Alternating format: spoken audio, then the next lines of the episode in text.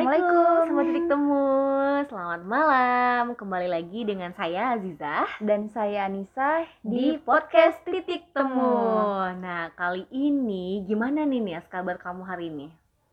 Kabar aku Mm-mm. alhamdulillah baik, sehat, sehat sampai sehat hari ya. ini selama masa pandemi ini Mm. benar-benar hektik pekerjaan aku Zah. Mm-mm. Hektik banget saking hektiknya itu bikin kepala aku mumet dan bingung, bingung aja Mm-mm. kebanyakan pekerjaan gitu. Padahal kan Oke. pandemi ya. Iya, iya, Kita iya. tahu ini pandemi tapi aku ngerasa pekerjaan aku tuh padat gitu loh. Kalau kamu gimana kabarnya?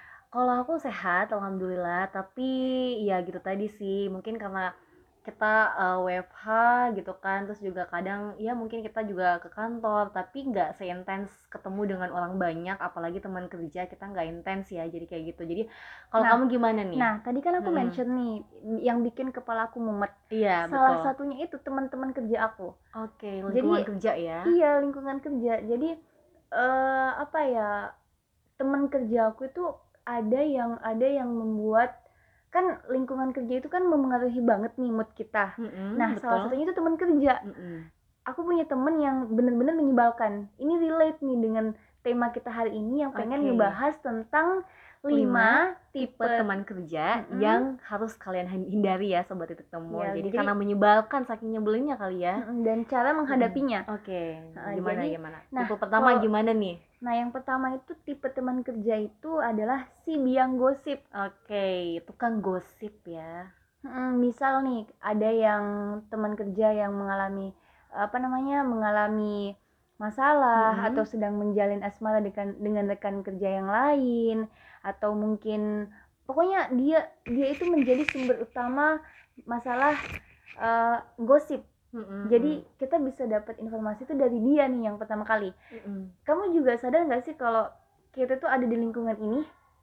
Iya, benar-benar Karena kan banget. kadang tuh kita itu satu tempat kerja kita tuh masih ada kubu-kubunya gitu loh Iya, iya, iya, kita kubu punya kubu-kubu terus punya grup dalam grup Ya, kayak berkubu kita lah punya ya. grup yang kita buat sendiri entah itu di WhatsApp atau di Mhm. aplik atau di apa namanya Sosial media Eh, lain. iya sosial media Mm-mm. lain yang eh, apa namanya yang gabung itu kita kita aja Mm-mm, gitu nah kita dan- pasti bahas di situ Mm-mm. si biang gosip dan Tapi kayaknya maksudnya, sorry gue potong. Eh, sorry aku potong ya. Eh, ini biang gosip tuh eh, dia sering menyebarkan isu-isu atau mungkin kayak cerita-cerita orang lain kali ya. Atau memang sih kita tuh perlu punya teman dekat ya atau punya teman yang kita itu bisa berkeluh kesah dengan dia gitu kan. Tapi nggak semuanya dong cerita kita misalnya diceritain lagi ke orang lain kan. Iya, Akhirnya betul, kan betul. jadi gosip dan mungkin bisa aja orang yang ngedengar itu persepsinya akan berbeda atau bisa aja cerita yang dia sampein ke orang lain juga jadinya beda kan omongannya gitu itu itu Udah jadinya ada gosip tuh bumbu-bumbunya. Heeh, pasti Iya. ada bumbu-bumbu lain Iya, jadi menurut aku kalau tipe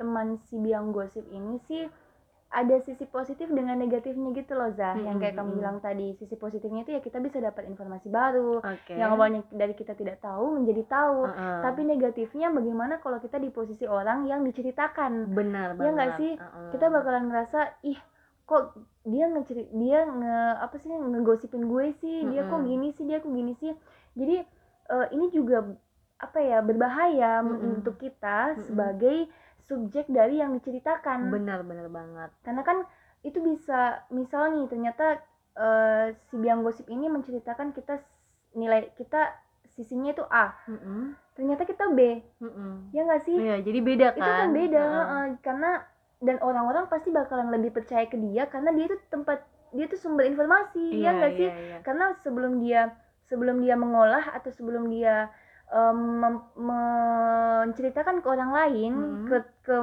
le- orang lebih banyak Heeh. dia pasti mengumpulkan dulu informasinya ya nggak sih Mhm, jadi mhm. banyak orang yang akan percaya dengan apa yang dia ucapkan Heeh, dan itu oke. mengancam kita ketika eh, perkataan itu sampai ke atasan kita Oke, agak terdengar sampai ke bahaya sih. atasan ya. Maksudnya itu Mm-mm. jadi satu satu bumerang buat kita nih. Kalau kita Iya, bahkan jadi- nggak tahu kalau kita di, di, di, dibicarain kita jadi bahan obrolan mereka gitu. Iya, ya. jadi em, solusinya untuk orang-orang seperti ini nih, menurut Hmm. aku kita juga nggak bisa terlalu percaya kita dekat sama orang, tapi kita juga Benar. nggak bo Nggak kita juga nggak boleh heeh. terlalu percaya sama eh, orang tersebut, Iya, even betul. karena kan kita nggak pernah tahu kalau misalnya teman itu bisa jadi kawan Lawan. itu bisa jadi lawan benar-benar jadi banget. kita tetap berteman sama semua orang Mm-mm.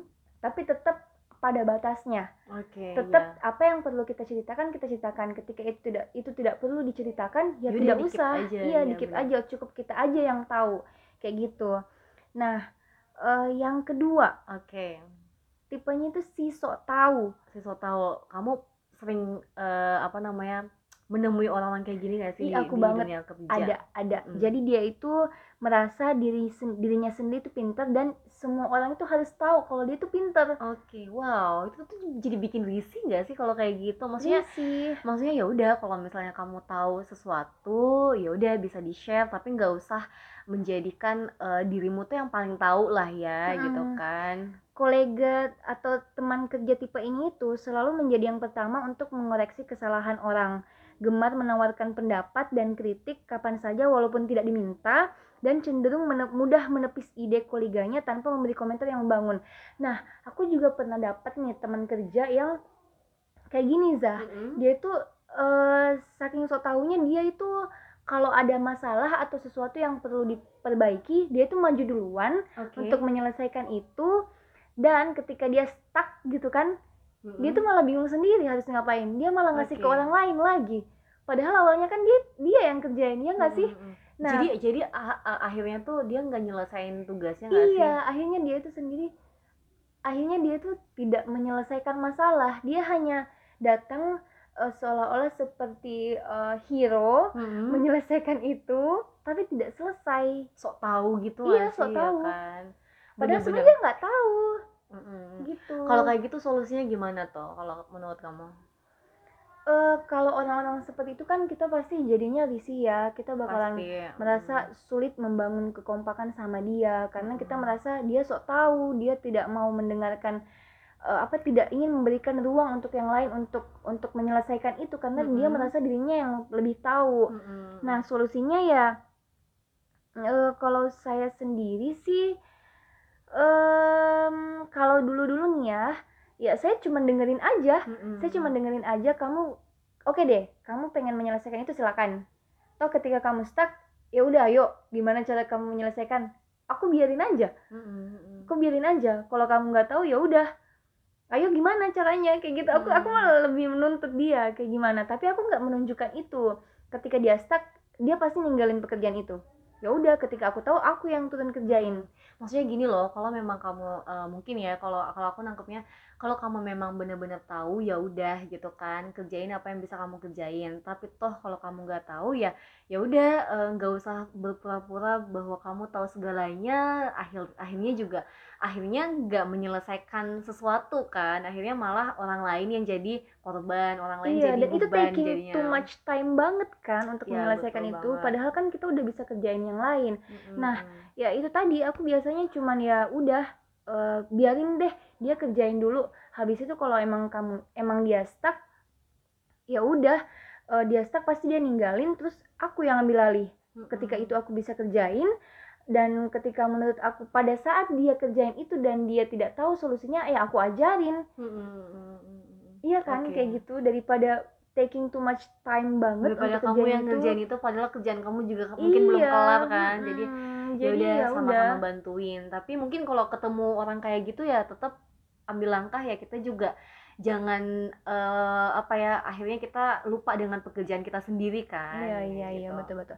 Nah tipe ketiga adalah si tukang mengeluh. oke tukang mengeluh kayaknya banyak banget ya apalagi di situasi pandemi kayak gini tukang mengeluh itu banyak mengeluh banget dengan banyak hal. Iya, ya. betul betul betul. Rewel lah dengan dengan hal-hal yang mungkin sebenarnya nggak bisa hal-hal Hmm, kecil yang sepatutnya nggak usah di dipermasalahin lah atau mungkin kalau kamu mau permasalahin ya udah nggak usah sampai orang lain dengar nggak usah sampai orang lain jadinya keganggu gitu ya Iya. sih Iya, jadi aku juga punya teman kerja itu yang Mm-mm. suka ngeluh, yang sedikit-sedikit ngeluh, sedikit-sedikit menyalahkan sistem, sedikit-sedikit menyalahkan Oke. eh, perangkat atau device yang aku sendiri heran gitu. Loh kok gini gimana? oke Iya, se- saking seringnya gitu kan dia juga ngeluh ya kita juga merasa ikut aku juga punya pekerjaan lain Mm-mm. tapi aku nggak ngeluh kok. Aku juga bahkan kita jadi tau nggak sih kayak nge-compare pekerjaan kita dengan dia.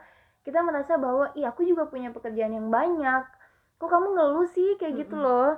Jadi iya iya. Kadang kadang heran ya sama orang-orang yang yang eh, suka ngeluh tuh apa sih yang dikeluhkan? Toh juga Iya. beban eh, load pekerjaan kita mungkin ya pasti berbeda. Tapi eh, kalaupun juga beda ya ya di situlah eh, apa namanya tugas dan tanggung jawab kita tugas eh, apa namanya gimana cara kita buat menghadapi itu menyelesaikan itu. Kalau bagus ya kalau cara kita menyelesaikan juga bagus ya otomatis eh, ada penilaiannya sendiri gitu kan. Maksudnya kenapa kenapa dikeluhkan gitu loh. Iya aku bahkan saking seringnya eh, dapetin temen yang kayak gini Zah. Mm-mm. aku tuh merasa bahwa aku juga punya pekerjaan banyak tapi aku kok nggak ngeluh ya apa mesti aku ngeluh ya atau gimana Oke. iya jadi ini tuh kayak gitu tuh muncul karena iya jadi muncul kayak perasaan gitu ya. yang menurunkan menurunkan eh, imun Semangat aku kerja, sendiri heeh, heeh. semangat kerja aku aku merasa bahwa aku juga punya pekerjaan ini tuh tapi kok aku nggak ngeluh Mm-mm. kok dia ngeluh sih tapi mm, sisi positifnya ada dong Mm-mm. aku jadi merasa bahwa aku ternyata masih lebih mampu menyelesaikan pekerjaan aku dibanding dia. Yes, ya, yang- betul betul. kita pun udah punya deskripsi job masing-masing gitu loh. Ya kan? Jadi di sini aku jadi lebih diajarin bersyukur aja sih sama dia yang suka mengeluh. Aku merasa bahwa ya aku punya pekerjaan yang oh aku bisa kerjain nih. Kayak gitu. Aku aku nggak perlu mengeluh deh nanti kalau aku kelihatannya bakalan kayak dia. Kayak gitu nah kali kali-kali aja gini deh kalau coba kalau ketika kamu nemuin eh, situasi yang dia ngeluh-ngeluh lagi tuh mungkin kamu bisa nyampein buat eh, apa ya apa sih yang dikeluhkan kayak gitu loh Mm-mm. atau mungkin bisa diganti dengan kata-kata yang lebih halus supaya dia nggak nggak merasa kesa- tersakiti lah ya Mm-mm. atau tersinggung gitu maksudnya ya orang-orang kayak gitu harusnya disadarkan bahwa kita nggak nggak kita nggak eh, mesti mengeluh-ngeluhkan hal-hal yang ya udah nggak usah dikeluhin hal kecil lihat deh coba ke kiri ke kanan kamu di luar sana banyak banget yang butuh kerjaan dan ketika kamu dikasih kerjaan kamu ngeluh itu kayaknya oh my god Tuhan terlalu baik deh sama kamu deh sampai kamu ya udah iya gitu. iya kayaknya kalau tipe teman ini aku bakalan ngomong ke dia nih ya untuk Mm-mm. ke depannya aku bakalan ngomong ke dia kalau em, pekerjaan kita, kita tuh kita itu pekerja kita udah punya apa bagian masing-masing jadi Mm-mm. kita nggak bisa ngeluh yang perlu kita perbaiki adalah cara mengelola waktu kita Mm-mm. cara manajemen kita untuk pekerjaan kita Mm-mm. ya nggak sih ya mungkin Karena- ada yang salah di bagian Iya, itu dia ya banyakkan ngeluh karena dia kurang pintar memanage uh, pekerjaannya. Iya, jadi kesannya dia dikejar oleh deadline, Mm-mm. padahal sebenarnya dia yang nggak tahu manage waktu Hmm, gitu loh, manage oke. pekerjaannya apa yang menjadi prioritas dengan apa yang perlu apa yang tidak perlu untuk dipeker- dikerjakan di awal gitu loh. Mm.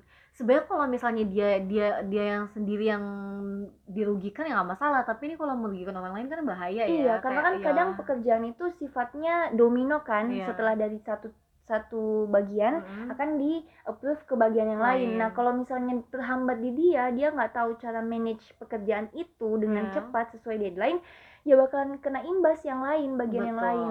terhambat jadinya. Iya, jadi si tukang ngeluh yang kayak gini tuh perlu memang disadarkan bahwa mengeluh itu nggak akan menyelesaikan masalah. Mm-mm. Yang ada itu kita yang harus sadar diri bahwa kita harus manage pekerjaan kita dengan baik. Kalau misalnya pekerjaannya datang tiba-tiba, berarti kita yang harus kerja eh, apa cepat, sistem ekstra cepat gitu loh. Kita yang mesti kerja ekstra, mem- memberikan effort yang lebih besar untuk pekerjaan kita. Jangan karena pekerjaannya sudah tahu banyak, deadline lagi, eh malah nyantai. Iya, itu iya. itu gimana sih? Kalau si iya. ini relate nih dengan Ah. tipe selanjutnya Oke, gimana? tipe selanjutnya itu si malas Oke, tipe si teman kerja si malas. malas ini kayaknya hampir mirip deh dengan si mengeluh itu Si malas ini mungkin dalam konteks yang em, disiplin kali iya, ya sering telat gitu. dia tampaknya tidak melakukan pekerjaan sesuai waktu yang kayak Hmm. tadi terus eh, kadang juga tidak sesuai deadline Mm-mm. ini penting banget ini penting banget buat aku, menurut aku ya Mhm. karena kalau ya tadi efeknya domino kita Mhm. bakalan kena imbas yang Mhm. lain dan saling berpengaruh kan Iya, saling berpengaruh. apa ya, berintegrasi gitu pekerjaannya Iya, dan bahkan kita jadi eh, saking bahayanya ini tuh kita bakalan ngerasa bahwa eh, apa pekerjaan itu tuh jadi menumpuk Mm-mm. dan akhirnya ya kalau kalau deadline-nya udah mepet mau nggak mau kita turun tangan harus ngebantuin dia ya nggak sih Mm-mm. itu jadi justru kita kita jadi justru apa namanya double job gitu loh. Double job Mm-mm, kita harus menyelesaikan pekerjaan lebih banyak dari porsi kita iya. karena menyelesaikan pekerjaan dia. Iya Ya nggak sih? banget. Itu jadi repot banget. Itu bikin kita jadi ya kita juga malah merugikan diri kita nggak sih? Maksudnya eh, mungkin waktu istirahat kita jadi keganggu Hmm. waktu pulang kerja kita jadi keganggu waktu kumpul sama keluarga jadi keganggu jadi banyak banget yang hal-hal yang dirugikan kalau misalnya si malas ini tetap tetap tetap malas dan tetap Iya. ya karakternya mungkin seperti itu udah seperti itu dan sebenarnya itu bahaya kalau dibawa ke dunia kerja sih ya iya ada juga tipe yang si- ma- mungkin masuk kategori malas ya Mm-mm. jadi udah tahu apa sih namanya udah tahu ada deadline mepet besok nih ada ada ada meeting nih Mm-mm. dia datangnya telat padahal ada bahan yang harus disiapkan untuk meeting Oh, itu tuh nyebelin Itu- banget gak ih, sih nyebelin kayak banget. gitu? tiba-tiba harus tiba-tiba dia datang telat atau Mhm. gimana itu kayak ya kita jadi ne- netting dong kita Mhm. bakalan berpikir kalau dia berusaha untuk lari dari tanggung jawab ya nggak sih Iya kan Tapi kalau misalnya itu mungkin kejadian sekali, dua kali tuh oke lah kita bisa berpikir positif without any ada confirmation before that oke itu ya, mungkin ada oke. sesuatu em, darurat mungkin atau Mm-mm. gimana. Tapi kalau itu itu eh, konsisten terjadi, Iya. itu, itu terjadi terus menerus ya itu agak dipertanyakan sih. iya karena kan ya itu nyebelin banget nggak sih Mm-mm. kalau misalnya kayak kesannya dia lari dari tanggung jawab udah tahu eh, ini mepet eh datangnya telat Oke. padahal kan dia harusnya dia kan I mean dia kan udah tahu bahwa pekerjaan ini tuh pekerjaan yang em, harus dikerjakan sesegera mungkin Mm-mm. ya kamu juga harus bisa dong melihat waktu kapan harus datang telat kapan harus datang cepat ya nggak sih Ya, kalau deadline yang namanya deadline yang harus dipercepat Oke. gerakan dipercepat gimana gitu. solusinya gimana tuh? untuk yang si malas nih Mm-mm. ya tetap tetap apa ya memberitahukan menekankan mungkin iya, komunikasi ya, komunikasi intinya. komunikasi bener banget Komunikasi. komunikasi bener banget itu itu sepertinya perlu dilakukan evaluasi oleh atasan melihat gimana Kinerja. kinerja dari Mhm. karyawannya terus mereka ya evaluasi komunikasikan Eh, kira-kira kan pasti ada daftar absensi tuh Tapi kalau kamu di kantor emang ada evaluasi per minggu, per bulan gitu nggak ada ya?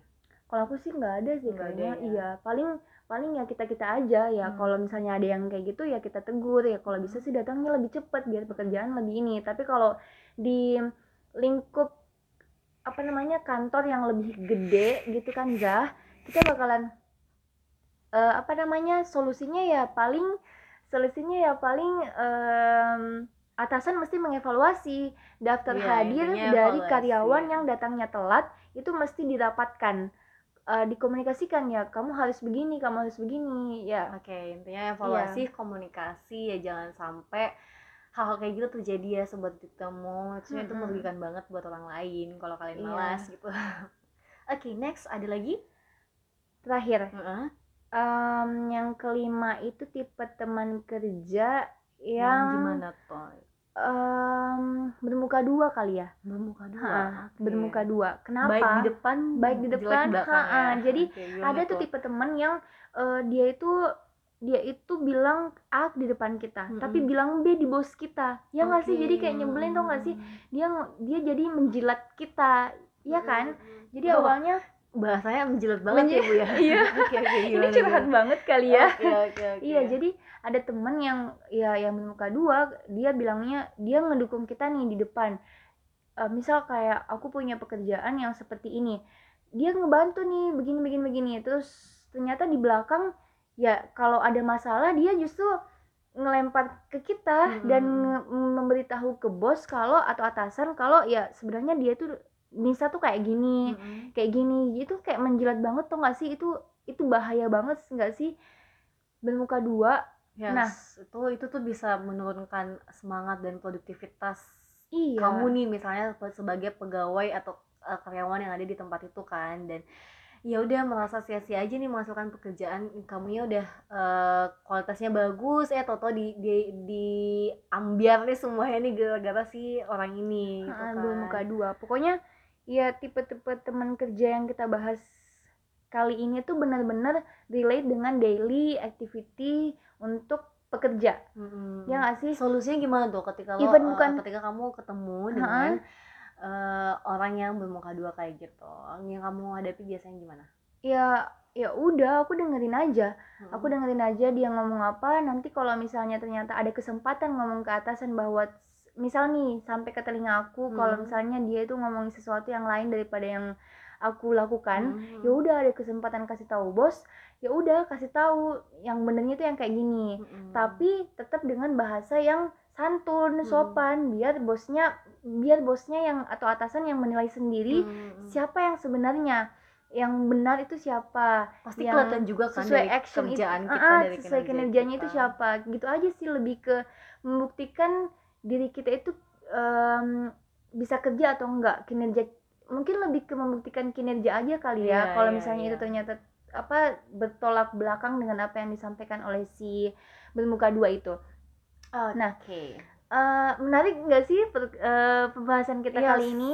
Karena ngebahas mhm. tipe-tipe teman kerja yang relate dengan daily activity kita. Iya, Ini ini banget. ini bukan cuman untuk kantoran ya, Tapi ya tapi di di semua dunia kerja lini mana pun, eee, semua bidang ya, pasti organisasi, pasti iya, pasti komunitas. ketemulah dengan orang-orang partner Iya. yang kayak gitu, Mhm, apalagi iya kayak bener gitu. bener bener. Oke, sobat titik temu, itulah tadi deretan tipe teman kerja yang menyebalkan, yang sebaiknya ya kalian pikir-pikir lagi lah untuk berteman dengan orang-orang seperti itu, atau lebih selektif lagi ya, jangan sampai circle pertemanan kalian itu jadi bikin kalian risih di dunia kerja, bahkan jangan sampai kalian resign gara-gara teman itu, itu kan jadinya kasihan merugikan, apalagi di dunia kerja kita tuh susah banget, kita tahu di Sekarang tuh kayak lagi gini susah heeh, cari cari kerja. kerja tuh susah banget, Jadi kalau jadi misalnya dapat teman kerja yang menjadi apa sih namanya, eee, faktor kita pengen resign itu kayaknya coba deh pikir pikir kembali kembali dan deh, eee, mhm. mungkin ada cara lain yang bisa kalian lakukan selain resign atau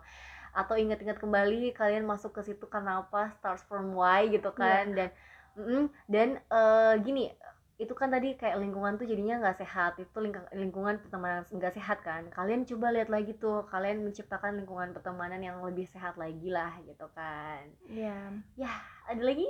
Cukup ya? Iya Kali cukup. ini kita ngebahas tentang itu guys, eee, Semoga yes, bermanfaat, bener semoga dapat dapat apa, solusi, dapat solusi, dapat solusi poin cara menghadapi kali teman-teman kerja yang sesuai tipe-tipe tadi. Ya dan tentunya cara kalian ngehadapin, eee, masalah itu kan berbeda dengan apa yang kita mungkin akan berbeda, tapi bisa jadi juga sama karena kita ngebahas ini di titik temu, kita mempertemukan apa saja yang kita hadapi di dunia, eee, nyata nih gitu kan, yang kita rasakan dan ya balik lagi karena kalian nggak sendiri, kita juga ngerasain itu di titik temu nih, di podcast titik temu.